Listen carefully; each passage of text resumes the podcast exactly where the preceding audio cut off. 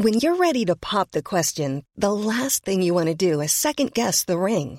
At Bluenile.com, you can design a one of a kind ring with the ease and convenience of shopping online. Choose your diamond and setting. When you find the one, you'll get it delivered right to your door. Go to Bluenile.com and use promo code LISTEN to get $50 off your purchase of $500 or more. That's code LISTEN at Bluenile.com for $50 off your purchase. Bluenile.com code LISTEN. I'm Sandra, and I'm just the professional your small business was looking for. But you didn't hire me because you didn't use LinkedIn jobs. LinkedIn has professionals you can't find anywhere else, including those who aren't actively looking for a new job but might be open to the perfect role, like me. In a given month, over 70% of LinkedIn users don't visit other leading job sites. So if you're not looking on LinkedIn, you'll miss out on great candidates like Sandra. Start hiring professionals like a professional. Post your free job on linkedin.com/people today. Hey, I'm Ryan Reynolds. At Mint Mobile, we like to do the opposite of what Big Wireless does. They charge you a lot, we charge you a little. So naturally, when they announced they'd be raising their prices due to inflation, we decided to deflate our prices due to not hating you. That's right. We're cutting the price of Mint Unlimited from $30 a month to just $15 a month. Give it a try at mintmobile.com slash switch. $45 upfront for three months plus taxes and fees. Promo rate for new customers for limited time. Unlimited more than 40 gigabytes per month. Slows. Full terms at mintmobile.com.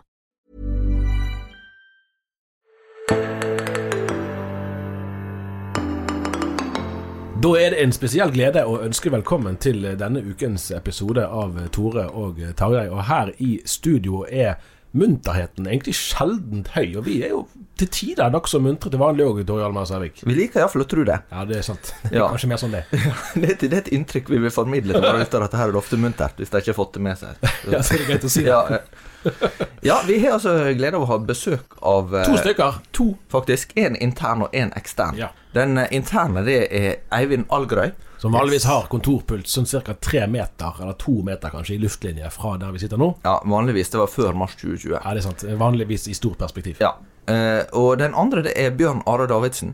Eh, han har vært med oss før, men det er veldig kjekt at du er med oss igjen. Tusen takk. Eh, rådgiver i Tankesmia Skaperkraft og i Norges kristelige student- og skoleungdomslag. Ikke et spesielt kort navn. Lenge kjent som eh, hva var det kalte det for sivilingeniør og myteknuser. Ja. Det var en sånn hederlig tittel. ja. Han har fått en del interessante titler. Litteraturkjenner, kulturekspert. Det det- det er litt forskjellige som Science fiction-freak Ja. eh, i NRK en gang. Og ekspert på falsk vitenskap, har jeg også sett. Vi har av og til snakket Royal, med meg om at du kan umulig være blant de i landet som sover mest, for du får gjort så veldig mye. Vet at jeg har mange drømmer mens jeg sover. Oi, Så nei, jeg, jeg sover nok en del, men jeg er ganske rask av meg. For du, var, du jobbet jo lenge som sivilingeniør i Telenor. Mens du hadde ganske, altså det som du gjorde utenom, kunne vel tilsvart sikkert full stilling for ganske mange. Ja, men så kan man jo se på hvordan hagen og bilen min så ut. Ja, nei, vi skal ikke Don't go there. Eh, Det er jo også Vi hadde med på, på, på videoopptak forrige gang. Det var i fjor, via, ja. Nå er du her i Bergen, faktisk, så det er jo veldig, veldig kjekt. Men, men da, eh, da gjorde du oss også oppmerksom på ditt bokhyllesystem, som er litt, litt uvanlig. Ja, hva du tenker Nei, eh, det, det går jo Altså, huset består jo i større grad av bokhyller enn de fleste boliger i Norge. Ja, det, der er jeg med at uh, vi har bokhyller i alle rom, unntatt på uh, toalettet og sånt. Ja, Altså, nettopp. så uh, vi har i korridorer og trapper og på loft og kjeller og barnerom og gjesterom og trimrom og alt. Nettopp. Men altså ett sted er hellig. Ja. Altså, det er hellig i motsetning til å ha bøker der, altså. ja. Der kan man sitte og tenke selv. Ja, riktig. Jeg skjønner, jeg skjønner. Du, jeg sa her i sted at uh, første gang, eller første periode i livet jeg kan huske at jeg la merke til deg, det var uh, etter at filmen Da Vinci-koden kom, og det er vel nå en, kan det være 16-17 år siden. Uh, da hadde du en bok som het Da Vinci dekodet. Eh, og da, det, det var jo poenget at denne filmen, som var fiksjon, eh, hadde en del historiske referanser som, som var sikkert presise, men òg en del Det er sånn som gjerne er i, i en del kulturelle verk, både i bok- og filmform, at det er en blanding av fiksjon og, virkelighet. Det har vi jo snakket om med denne Atlantic Crossing-serien, ikke minst i, nå helt i det siste. Eh, du skrev en bok der, der prosjektet var å fortelle hvordan det egentlig var. Og så har du etterpå gjort det mange ganger, både med filmer og med, med, ikke minst med lærebøker.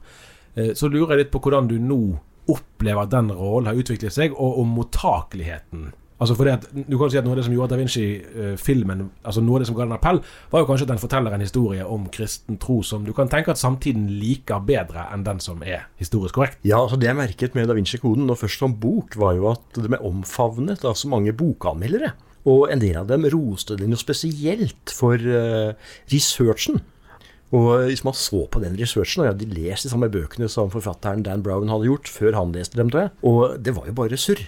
Eh, Så han hadde rett i at London og Paris og sånt fantes. Hva som hadde, hva som hadde foregått, og, og eh, hva som var liksom skrevet av tekster og sånne hemmelige katolske ordener og sånt, det var jo bare tull. Og, eh, så det var eh, veldig gøy. Jeg fikk da eh, oppdrag, faktisk, av redaktøren av Aftenposten eh, på den tiden, Stanghelle, å skrive kronikk i Aftenposten. Så det var noe av det første jeg gjorde, og det var også en del av utgangspunktet for denne boken. Og da ble jeg faktisk eh, ganske tatt inn i varmen, vil jeg si, både i NRK, TV 2 og NRK og Dagbladet i forbindelse med denne boken, både Dan Burhans bok da, og, og min bok. Så da var det interesse for å høre den andre historien? Det var det, og, og det er jo det fortsatt. Men poenget at en del av de tingene som jeg da tar opp, sitter så langt inne. Altså Det er så spikret i bakhodet at det er nesten umulig å bli kvitt det. Og det er en utfordring, fordi selv om jeg da peker på at det og det er feil i forhold til kildene, så er folk enten ikke så veldig interesserte, eller de bestrider det likevel, eller det er ikke så farlig, for det er jo andre ting som er like ille eller enda verre eventuelt. Og eh, tror de. Eh, Og noen ganger er det jo det òg. Men utfordringen her er rett og slett å få både da aksept for at det er en viktig rolle å være sånn faktasjekker som jeg har drevet med. Og vi har jo sett det. At det er blitt nå en ikke bare en tradisjon, men det er blitt en egen eh, profesjon. Og du har egne store organisasjoner og eid av norsk medie osv. som driver med, med faktasjekk. Men de har også noen blindfelter. Men hva, er det som er typiske feil som går igjen? Altså, for- eh, du har jo eh, Husker du sa i en eller annen sammenheng at uh, all religion er like ille, spesielt kristendom. At det er en slags rådende oppfatning. Altså, men, men av og til så, så kan en eh, Det er jo fare for å være litt sånn i sjølforsvar her fra, fra sånn dagen utgangspunkt, men, men det kan få en følelse at, det, at det hvis det, en hører et eller annet dårlig om Den kristne kirkes rolle i fortida, så er det sikkert minst så galt som det blir påstått. Antagelig enda verre.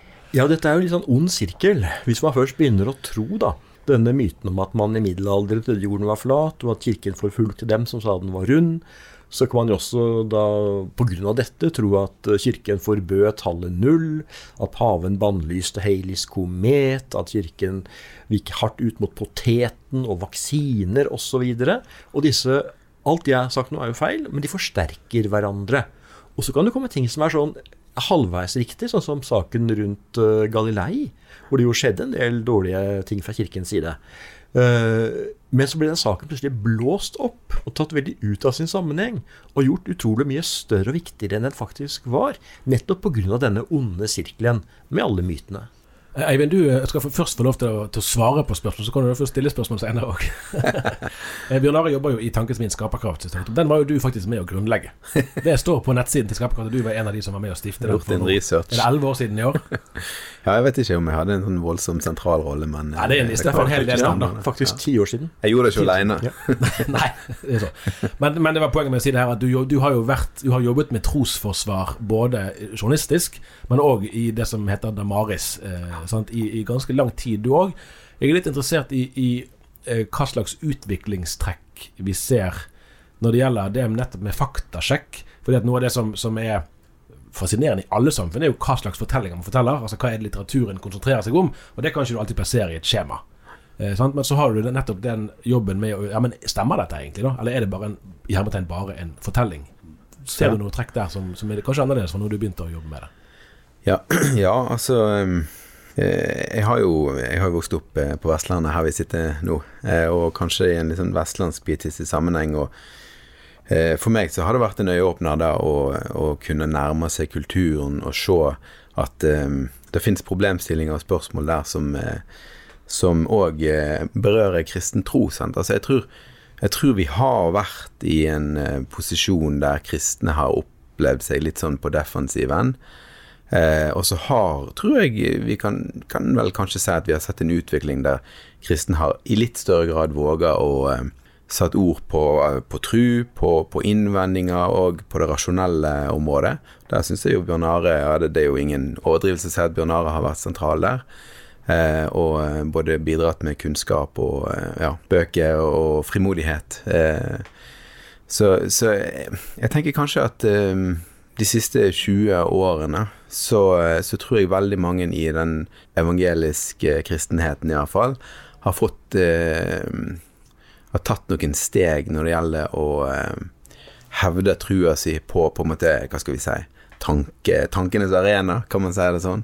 Eh, og, og, eh, og, våge å tro at trua har et rasjonelt grunnlag. At eh, Altså Hvis du bare tenker på eh, stillingen til evangeliene i dag kontra for 20 år siden i så vil at, så vil jeg si at den er betydelig styrka. Eh, og at folk i større grad våger å si at ja, men dette her er jo historisk. Du kan ikke si at ja. Jesus ikke har eksistert, at ikke Jesus har levd. Det vil jo være tull. Jeg opplever i hvert fall at flere våger å slå det fast, og selvfølgelig med gode grunner. Utenfor, eh, utenfor liksom kirkelige miljøer òg? Ja, da, da, vil jeg si. Altså. Jeg ser i hvert fall i en del sammenhenger at du ser gjerne ateister, eller hva skal vi si, agnostikere, sier det samme. da. Selvfølgelig har Jesus eksistert. Selvfølgelig er han historisk. Så jeg, jeg, tenker at det har dryppa inn i Og eh, ikke bare blant kristne, men eh, blant opplyste mennesker. Det tror jeg, altså. Ja, det, jeg ser i hvert fall signal. Nå er jo jeg en positiv kar, da. Så det kan jo være at jeg ser eh, for lyst på det, men, men, at det er en bevegelse, det tror jeg helt sikkert. Og, det er veldig bra at vi den, tre, da er vi tydeligvis tre litt sånn muntre, muntre menn her da, i dag. Ja, I hvert fall i egne øyne. Du, du, har hørt om optimisten som sa Eller pessimisten sa til optimisten Nå kan det umulig bli verre. For optimisten svarte Å ja da, det kan det. det er jo et paradoks. Men, men, det er jo viktig å, å poengtere da at uh, den uh, endringen der har jo røtter lengre tilbake i tid, kanskje til 70-80-tallet, der der på en måte eh, noen eh, bibelforskere har liksom gått i eh, Dratt et lass, da, med tanke på å si imot all den forskningen eh, som, som, kom før, som, som hevder mer sånn legendarisk status for evangeliene. Som, at de ble til sant, på noen små plasser rundt om Middelhavet 200-300 eh, år etter Kristus. Sant? At man har sagt imot da, at man har på en måte ødelagt de argumentene og, og, og jobba sånn. Og så, da, 20 år etterpå, da, så begynner vi å tenke at ja, ja, ok, det er kanskje en historisk belegg for det vi tror. Og så Så det, det er jo en sakte, sakte bevegelse, sant? men jeg, jeg, mener å se det. Og um, du har jo, ja du har flere stemmer i dag som ligger mer i det agnostiske sjiktet, som sier at eh, Som på, av flere grunner sier at, at kristendommen er både troverdig, og at det er grunn til å mm. se Ja, ikke kaste kristendommen ut sånn uten videre. Så jeg eh, må si at utviklingen har vært eh, Interessant. interessant. God. Det var et godt stikkord, det der. For uh, Overgangen 70-80-tallet, det var da du, Bjørnar, var student i Trondheim, vel, i hvert fall for det meste i Trondheim. Det stemmer. Uh, jeg har lurt på det, for det, altså, jeg, ikke, jeg, ble født uh, akkurat inn på 80-tallet. Det var jeg er den eneste i rommet her som er, faktisk. ja. ja. Der har du den. Så kan jeg føle meg litt ung, for en gangs skyld. I den 70-årene blir jo omtalt som en sånn kampenes eller frontenes tiår. Eh, og så lurer jeg på, hvis man tenker at man er eh, en kristen student i 2021, ønsker å være frimodig med troen sin, hvilket studiested man nå måtte være, og så, og så prøver du å trekke linjen tilbake til din egen studietid, likhet er forskjeller. Er det egentlig det samme? Ja, så jeg vil si at overraskende mye av det jeg får høre om, er veldig likt. Det som skjedde da jeg begynte å studere, var jo at jeg ble kristen første høsten, faktisk. Eh, fordi jeg ikke klarte å bortforklare Jesu oppstandelse, og var dum nok til å nevne det for mine kristne venner. Eh, og, og, eh, tok et valg etter en tid. Og men det, det, jeg merket, var jo at altså jeg er litt sånn, hvis du lurer veldig, et litt ivrig fyr. Eh, blir fort engasjert. Og eh, så hadde laget, eller NKSS, da, for å si det på et litt kortere, enklere måte enn i stad, eh, noe som de kalte for lørdagsskole. Eh, Januar-februar 1978. Og eh, der var det undervisning, altså, i datidens apologeter. CS Lewis, eh, Francis blant annet. John Stott. Mm. Og dette var jo noe som ble veldig interessant for meg, da, som var, hadde lest mye historie og filosofi og litteratur og alt det der. Og jeg fikk møte en måte å tenke om kristen tro som var ganske annerledes enn hva jeg hadde trodd. Jeg trodde jo religion var litt sånn følelser og stemninger og sånt, og fikk litt sjokk da jeg oppdaget at det var argumenter for Jesu oppstandelse. Men det som var poenget her, var jo at det var på slutten av 70-tallet, og da var jo fortsatt en del rester av denne ideologiske kampen til stede. Uh, marxister var det fortsatt mye av på universitetene, og du hadde også begynt å få Hedningesamfunnet. Og Hedningesamfunnets studentgruppe hang opp veggaviser. Det var jo datidens liksom, eh, kommentarfelt, var jo veggavisene. Og, og, eh, da var det De hang opp noen ufine, rare påstander, og jeg da hadde vært kristen et halvt år, begynte å svare på disse her. Uh, med egne veggaviser? ja, mine egne veggaviser. Ved siden av. De hadde liksom, det var sånn datapapir, altså lange sånne remser som hang sammen metervis. Med hull, hull, på i med, magen? Ja, hull på en på ja, ene siden. Da, ikke sant? Og skrev med tusj da, og så videre. Ikke sant? Min pregnante håndskrift. Ja.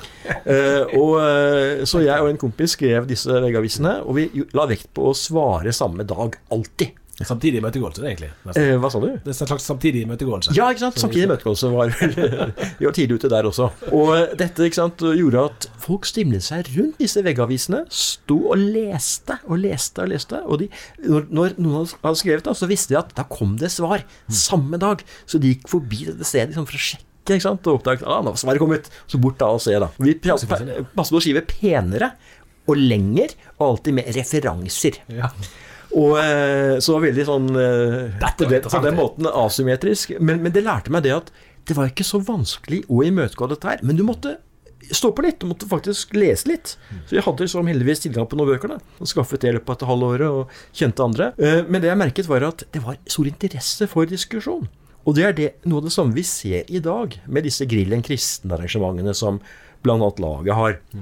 At de vekker interesse for å få Folk vil gjerne vite litt mer enn bare disse følelsene og vitnesbyrdene. Og når det kommer på, på, bordet, så er det en helt annen sak i den passiviteten som også var den gangen. For det var ikke sånn at liksom, det var bare bevisste folk. Nei, vi tippa at 90% ikke var særlig bevisste. Og så de siste 10% var da mellom miljøbevegelsene, som var sterke den gangen også, og de røde. Eh, og de hang av til sammen. Og eh, de konservative og de kristne. Og så hadde det på en måte fortsatt, selv om det nok var en mye sterkere, sterkere engasjement og sterkere medlemskapsengasjement på 70- og starten av 80-tallet. Du har jo jobba i det siste ikke minst med lærebøker i eh, norsk skole.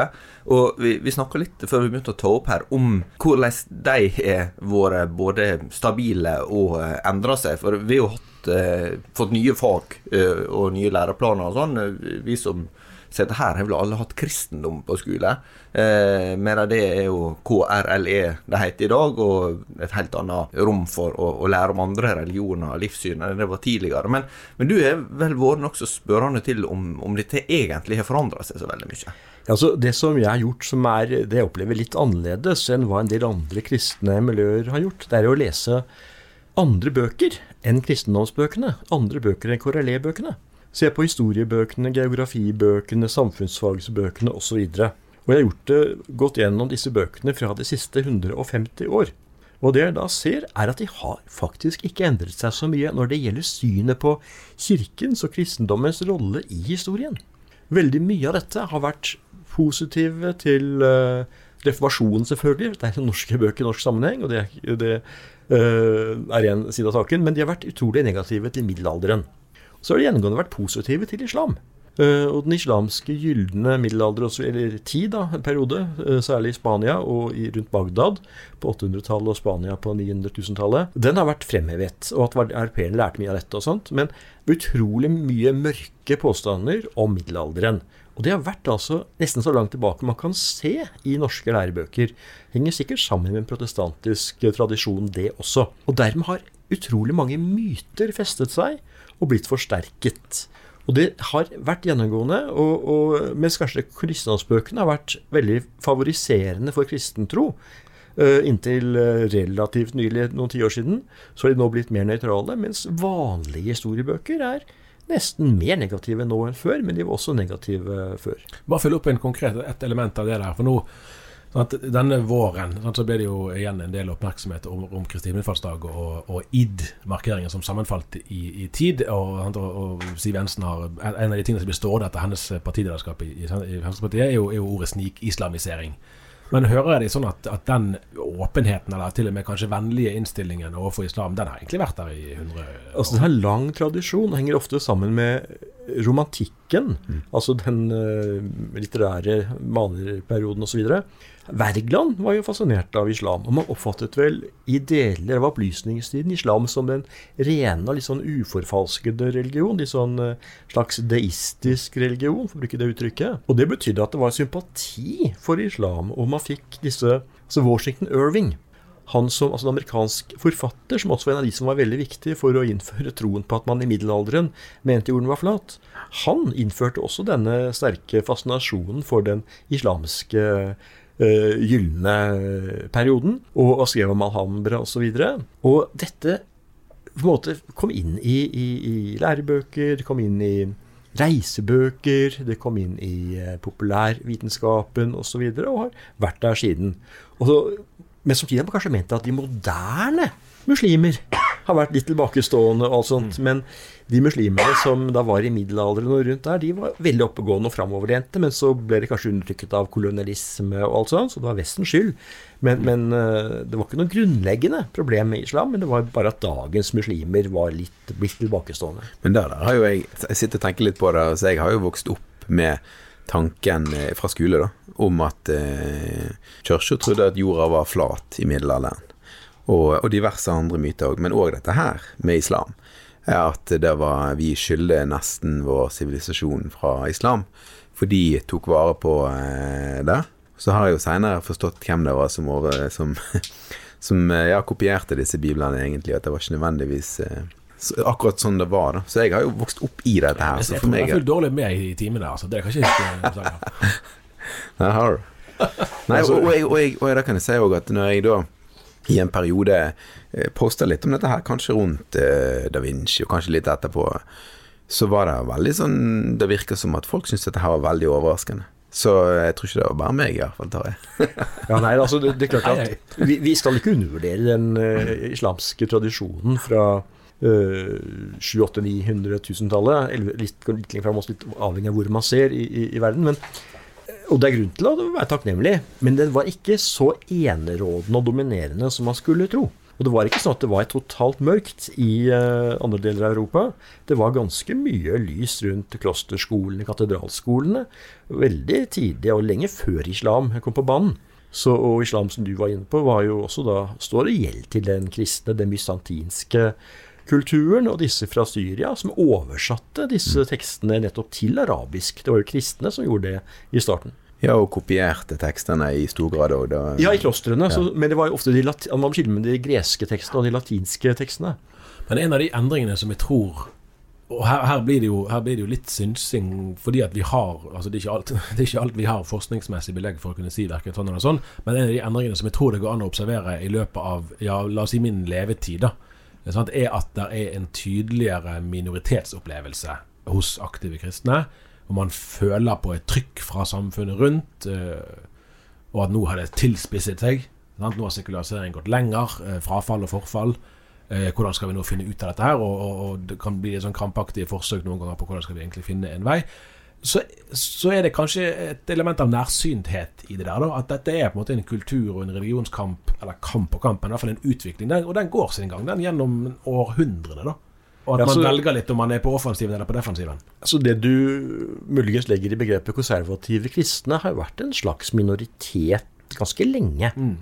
Også på 70-tallet, da jeg ble kristen, så oppfattet jeg meg som en klar minoritet lagsbevegelsen var ikke noen majoritet i Den norske kirke, selv om mange prester hadde en bakgrunn fra den. Uh, og det var uh, rett og slett sånn at jeg ikke i noen sammenheng uh, de siste ja, 50 årene har det blitt, nesten, har opplevd at jeg har vært i majoritet som kristen. Unntatt når jeg er på si, Kirken eller i Dagen-redaksjonen. og, og, og det er så Jeg lurer på hvor langt det tar før man er minoritet her også. Men eh, jeg er i fotballklubber eller holder på med science fiction eller eh, går på nabolagsmøter eller i skole, sånn, tillitsvalgtsystem, jobb, der jobbet i Telenor osv. Så, videre, så var det vel i beste fall 20% kristne, og normalen var vel sjelden mer enn 10 Uh, og det som jeg tror er et poeng, er at vi oppfattes av ganske mange som en majoritet. Ja. Mens vi selv opplever oss som en minoritet. Og den situasjonen der er ganske interessant. Og ganske vanskelig å forholde seg til. Og særlig det at vi oppfattes som en majoritet, er en utfordring. Da jeg jobbet i Telenor, så husker jeg vi gjorde en undersøkelse av hvordan Telenor ble oppfattet i markedet. Dette er mange år siden, da. Sånn rundt eh, 1993-94. Og det var da sant, etter venteliste, alt mulig rart på telefonen og tull og tøys, så var det jo eh, sånn at det ble oppfattet som et troll. Stort troll. uh, mange hoder vanskelig å komme fram til og sånt. Og eh, da var spørsmålet hvordan skal et troll profilere seg i markedet? og, og det, så det var en nøtt for markedsfolk. Og selv om vi i Telenor følte oss sånn, vi er liksom redde for Microsoft og bekymret for konkurrenter, og svenskene kunne komme og ta oss, ikke sant, og hva med Bundespost i Tyskland og, og alt det der. Og eh, så, så vi følte oss ikke som noe troll, men vi følte oss som hva skal vi si, veldig hjelpeløse. Så hvordan i all verden skal vi kommunisere?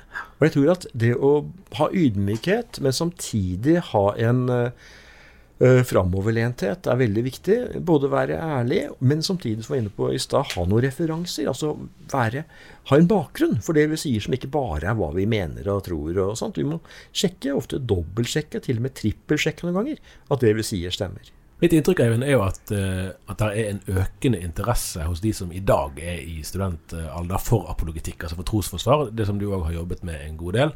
Uh, der er den her Veritas-konferansen i Grimstad, som er kanskje, sånn, kanskje det tydeligste sånn fysiske møtepunktet. Og nå, nå, til høsten skal jo de forhåpentligvis kunne møtes igjen. Uh, og da har jeg prøvd å sjekke litt hva er det som driver det engasjementet. for du kan jo lett tenke deg at det er et ytre press, at studenter i større grad opplever å måtte stå til rette for troen sin og kunne gjøre rede for, sånn som du begynner å beskrive fra 70-årene. Og så kan det kanskje òg i noen grad være et indre press, at man hører på forkynnelse og lurer henger dette egentlig helt sammen. Eh, hva ser du der av trender hos de, eh, og òg for så vidt av i hvilken grad eh, dette For du kan jo ende opp med at det blir en helt sånn rasjonalistisk øvelse. At det du ikke kan gjøre logisk rede for, det fins ikke. Og da har jo den kristne tro uh, utfordringer på flere plan. Ja, absolutt. absolutt. Altså mine erfaringer med Veritas-konferansen er jo uh, veldig gode, fordi at du nettopp der har denne gode balansen mellom uh, dette med å tenke over ting man tror på, og, og på å si utøve troen i praksis. Uh, lovsang, tilbedelse, bønn osv. Og, og det er jo noe som gjør at du ser mer av helheten.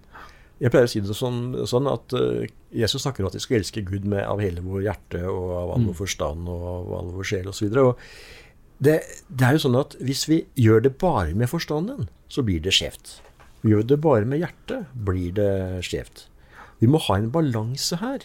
Og vi må se tingene Vi må både ha hjerte når vi bruker forstanden, og ha forstand når vi bruker hjertet også.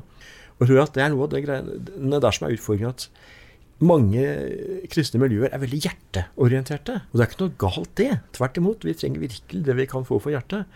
Men hvis det betyr at du aldri får noe for, eh, for hodet, så, så, så, får du en utfordring når du møter andre som bruker hodet. Og jeg pleier også å som så at vi, vi trenger selvfølgelig altså Barnetro er nok. Det holder i massevis for å bli frelst.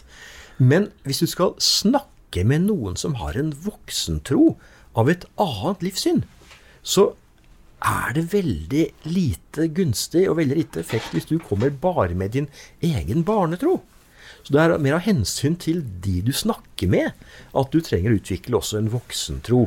Ikke for at du selv skal bli frelst, eller noe sånt, men for at du skal kunne snakke ordentlig, seriøst, med mennesker som har en annen bakgrunn. Jeg, jeg tror at uh, apologetikken eh, hvis, altså han bør kobles på, på menighetslivet. Da. Jeg tror noe av nøkkelen ligger der. For hvis apologetikken eksisterer eh, frikobla fra menighet, så kan den fort bli en eh, sånn ren akademisk øvelse. Og hvis folk kommer inn i det miljøet, lærer seg opp til argumentene, og ikke ellers leve i ja, både sakramenter, forkynnelse, tilbedelse osv., så, videre, så tror jeg at det kan være farlig. Eh, og eh, det var jo noe da som kom fram med han eh, Ravi Zacharias i etterkant, at oi, han var visst ikke Han var visst aldri til gudstjeneste. Altså, han var ikke medlem i en menighet. Han var, gikk ikke i, i en kirke. Klart, man kan ikke si at det var det som var problemet, men i en menighet så tror jeg at apologetikken trives på den måten at han er en del av det større bildet. Han blir utfylt, kan du si, og jeg tror at det er en nøkkel. da. Ja, for, for de som ikke vet hvem Ravi Zacharias var, så var han en eh, apologet som ble født i India, og som ble relativt kjent i USA, men så ble det etter hans død i fjor eh, eh, kom det fram en del avsløringer om eh, ting han hadde gjort i forhold til kvinner som ikke tålte dagens lys. Ja, og, eh, og, at det hadde foregått uten at det ble ja, avdekka. Det var ikke noe kontrollsystem. Og det er jo i hvert fall Ja. Er, poenget mitt er egentlig bare at eh, jeg tror at apologetikken har veldig godt av å leve eh, i en menighetssammenheng, en større helhet. Og jeg òg, når, når, du nevner det med Veritas og lovsang Jeg husker mitt første besøk på European Leadership Forum-konferansen. Så Så da var, det var sikkert i 2008 eller noe sånt. Eh, og um, iallfall langt tilbake. Og da var jeg eh, Da hadde vi vært en hel dag med ganske tunge ting, syns jeg i hvert fall. Eh, liksom, ja eh, Både argumenter og, eh, og, referanser her og der, og ting man skulle lære. Og, og så da, å komme inn eh, i salen på kvelden og litt å være i lovsang og se disse da folkene som var så godt skolert og så godt utdannet og, så, og hadde argumentert så godt, og som jeg hadde kanskje plassert i en kategori, sant. Akademiker. Stå der og, og løfte hendene og, og, prise Gud. Og for meg var det veldig sterkt. Eh, så den helheten der tror jeg er helt avgjørende da, at, det at fins. Jeg tror også det er viktig at altså, apologetikk det som var inne med, med Ravi Zakaria, Det var en mission for han, har jeg skjønt.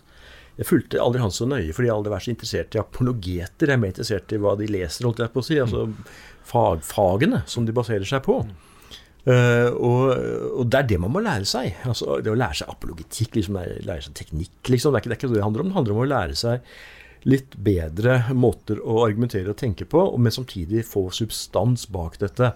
Men bare ordet apologetikk reagerer jeg på av og til. Jeg hadde undervisning i dette i mange år, på NLA faktisk. og der uh, startet jeg første forelesning med å spørre Apollo hva for noe. Hm. Hva er dette for noe? Og så nevnte jeg at eh, dette er jo noe som kommer fra gresk, og det oppfattes jo helt gresk. altså Helt like uforståelig som eh, diakoni. Som jeg ser en del fortsatt snakker veldig høyt om. Folk skjønner jo ikke hva, hva diakoni hva er det for noe. Jeg er diakon. Uh, jeg er apologet. Det er liksom det samme. Men det handler om et uttrykk fra gresk rettsvesen. Og der er det jo to uttrykk som man møter i Det nye testamentet i brevene, nemlig det å være et vitne. Og det andre er å være en, en forsvarer. Altså Vi er kalt til begge deler. Og alle kristne har vel en tanke om at de på en eller annen måte er et vitne, godt eller dårlig, for, for, for, Jesus. Eh, men hvor mange av oss tenker over at vi også, alle sammen, er apologeter, gode eller dårlige, for Jesus? Og det er litt det der spørsmålet Dette må bli en normal forståelse for oss. At dette er noe vi alle er kalt til. Det er ikke en sånn spesiell sak for interesserte som har bøker i trappene på trimrommet. Men det er liksom noe som i enkle former kan, kan, gjøres av alle, og som eh, det er veldig, kan være trosstyrkende å sette seg mer inn i. Jeg har jo tenkt på det når jeg har lest eh, Du nevnte kommentarfelt her i stad. Men det, det hender så på, på dagen.no f.eks. at det oppstår teologiske debatter. Og da har jeg av og til eh, tenkt om, om det er sånn at noen tenker personangrep er det beste trosforsvar. Eh, at, at, den eh, på en måte, Det gjelder å finne en eller annen trussel som du kan angripe, for, og, og da føler du at jeg, jeg forsvarer virkelig uh, den kristne tru. Uh, ja. Men av og til så lurer jeg på Er det mer et uttrykk for at uh, dette var litt skremmende? Altså Jeg, jeg, jeg stusset over det noen ganger når jeg ser sånne amerikanske apologetikkbøker, en del av dem i hvert fall for noen år siden, hadde gjerne et langt inndelingskapittel om logikk. Om det er logisk gyldig sånn, sier at A er lik B, og B er lik eh, Nei, C er lik B, så er både A og C lik B, osv. Masse enkel eh, logikk. Hvorfor har de dette? Jo, fordi at For jeg er så uvante med å argumentere. Isteden skal vi angripe og sette andre på plass, sette andre i et dårlig lys. Og Det er mer da det man liksom feilaktig ordbruk kaller for retorikk. At du istedenfor å gå inn og se på har de rett i argumentene deres, så er det bare hva, hvor så dumme de er som har denne konklusjonen. Og, og det er noe som også C.S. Lewis eh, snakket om, dette han kalte for bulverisme. Hvor du istedenfor å gå inn og se på om de kan ha rett eller galt, så går du inn og ser på hva er det i deres eh, barndom, eller hva er det i deres eh, interesser nå som gjør at de lander på dette? Når uh, Tarjei mener dette, så er det fordi han jobber i dagen. Det er ikke fordi at argumentene for det er gode eller dårlige. Ikke sant? Det er, og det er litt den der saken der sånn som er en utfordring også i kommentarfelt uh, i dagen, at man går tar mannen og ikke ballen. Men hva eh, tenker du er verdt å tenke over, da, hvis en skal unngå å bli bulverist? Må ha- må bare bli bedre i ballbehandling. Ja. ja, du må lære deg litt mer sånn eh, Martin Ødegaard, men Martin Ødegaard med litt mer frimodighet. Og, og, og, det er, og det er liksom det som er, er saken her, at du, du må rett og slett Du må øve deg litt. Og det var noe av det jeg fikk eh, gleden av. da, For ikke like alle veggavisene jeg skrev i 1978 var like perfekte, liksom. Eh, Og, og jeg gjorde jo mye feil. eh, Og jeg ble satt på plass også, for det hendte jo at, jeg, at kilden jeg hadde brukt, var tull. Og, og, og det er jo noe som er en utfordring. at du må prøve deg fram. At du være villig til å lære av de feilene du garantert kommer til å gjøre. Men du må for all del unngå å begynne å snakke stygt om de du debatterer med. Hold deg til sak. Og det er en øvelse, og det kan være noe vi kan også øve oss på i menighetene. Altså dette med sagt å få apologetikken inn i menighetene våre. Ja, og, blant det eh, handler det om å bli flinke til å snakke om sak framfor om person. Så kan det være at eh, Jeg hørte en gang at eh, du helst bør være et isfjell. Sant? Du har sikkert hørt den. Altså 90% av overflaten Nei, av massen bør være under overflaten, og du viser 10 Eh, da tror jeg er kanskje et eh, tips. Og ikke minst nå når vi har så masse tilgjengelig. Du kan, lese, du kan se en hel debatt med, mellom to akademikere. Sant? Og hvis du da snur deg rundt og prøver å repetere argumentene til en stakkars forbipasserende, så kan det bli veldig feil.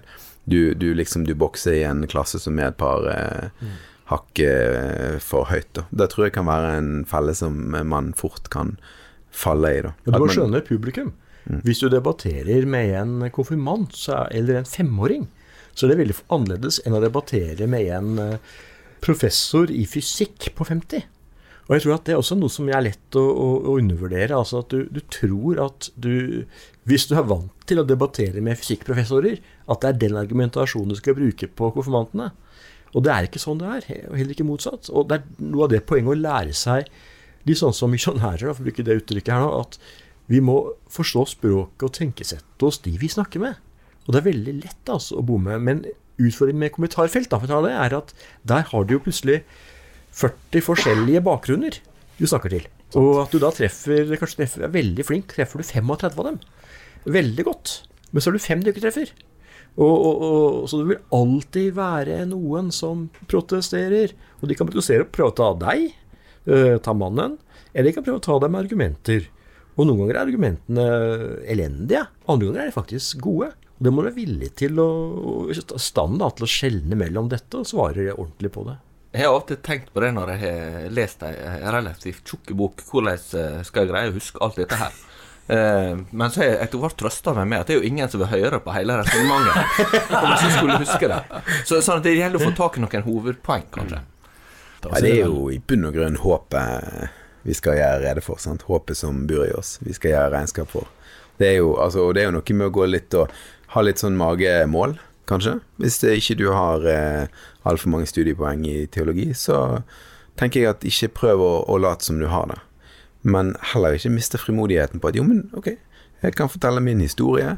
Jeg kan si hvor jeg er usikker, jeg kan si hva jeg har lurt på. Så.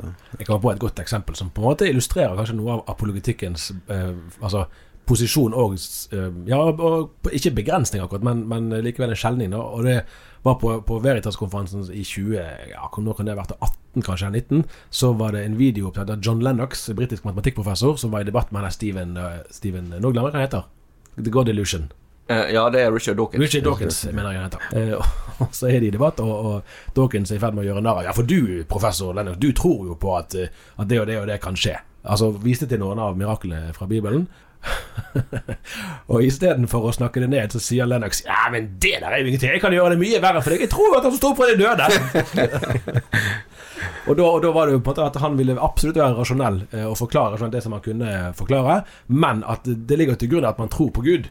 Og da, og da er det noe som går utover det som kan forklares med menneskelige ord. Men, jeg tror det Lennox gjorde der, var veldig genialt. Altså, fordi det han gjør han, Det er litt sånn jeg kaller det for, altså for judogrep. At han eh, på en måte utnytter uh, de, motpartenes, da, for å bruke det uttrykket her, eh, argumenter i sin egen favør. Eh, og jeg ser de, det er en bokhylle bak meg her, og her står det en bok av G.K. Chesterton. Som er en av mine, mine favoritter. Ja. Så var det meningen med at du også jobbet i dagen. Um, og dette med, med Chesterton, er hans evne til å være offensiv på en tid Dette er England for 100 år siden. Og der var det jo helt ikke sånn at eh, konservative kristne, i hvert fall- i hvert fall ikke katolikker, var i noe flertall. Tvert imot var de en minoritet blant en minoritet. Og, men han klarte likevel å være på offensiven. Både med humør og med formuleringsevne, og med dette å kunne overraske. Det å kunne liksom snu på flisa og få fram det motsatte. Litt sånn som profeten Nataniel overfor David i Det gamle testamentet, når han skal ha denne lignelsen etter at David har eh, sendt mannen til Batseba Ja, ja, ut i, i krigen, ikke sant? Urias. Og eh, dette med at David da plutselig oppdager at det er han Nataniel snakker om. Den, det grepet der, at du overrasker og du skaper erkjennelser, det har jeg veldig tro på. Det er ikke så enkelt, fordi at uh, her var det én person, altså David og, og Nathaniel. Én til én person. Skal det være én til mange, så blir det veldig annerledes. Men i samtaler Så kan så, så kan du gjøre det på den Så, måten. så må du ha litt uh, lave skuldre. Du kan ikke være for fryktstyrt hvis du skal ta en liten sånn som han John Lennox tar der. Sant? Da kan ikke du sitte og koke og, og tenke at nå må jeg kontre. Sant? Da må du ha ro, og du må ha eh, lave skuldre, tenker jeg. da. Du må ikke føle deg underlegen. Altså, det er noe av det som er utfordringen her, at Dawkins brukte en hersketeknikk. Og øh, det kan også kristne gjøre. Altså alle kan gjøre det. Eh, Så det, er ikke noe, det, det ligger lett for de fleste. Men det er viktig når vi møter hersketeknikker, at vi svarer på måter som tar luven fra dem. Og at vi kjenner dem igjen selv, da, og klarer liksom å, men uten at vi bare bruker en hersketeknikk tilbake. Men litt mer sånn eh, enten selvironisk eller litt sånn eh, vittig på en måte som skaper en god latter. Chesterton var jo i så måte et eh, geni, må en kunne si. Han er jo også sagt Eller i ei av Father Brown-novellene så skriver han jo om, eh, om journalistikk. At det i stor grad eh, handler om å fortelle at lord Jones er død. Det er folk som ikke visste at han levde. Dette var jo direkte hyggelig. Ja, Tror vi- jeg, jeg kan istemme. Si at det var det vi rakk i denne omgang. Takk skal du ha, Bjørn Are Davidsen, for besøket. Eivind Algerøy, du har jo kort vei tilbake til neste visitt. Tor Hjalmar Sævik og meg sjøl, Tarjei Gilje, takker for oss. Vi er tilbake neste uke. Ha det bra.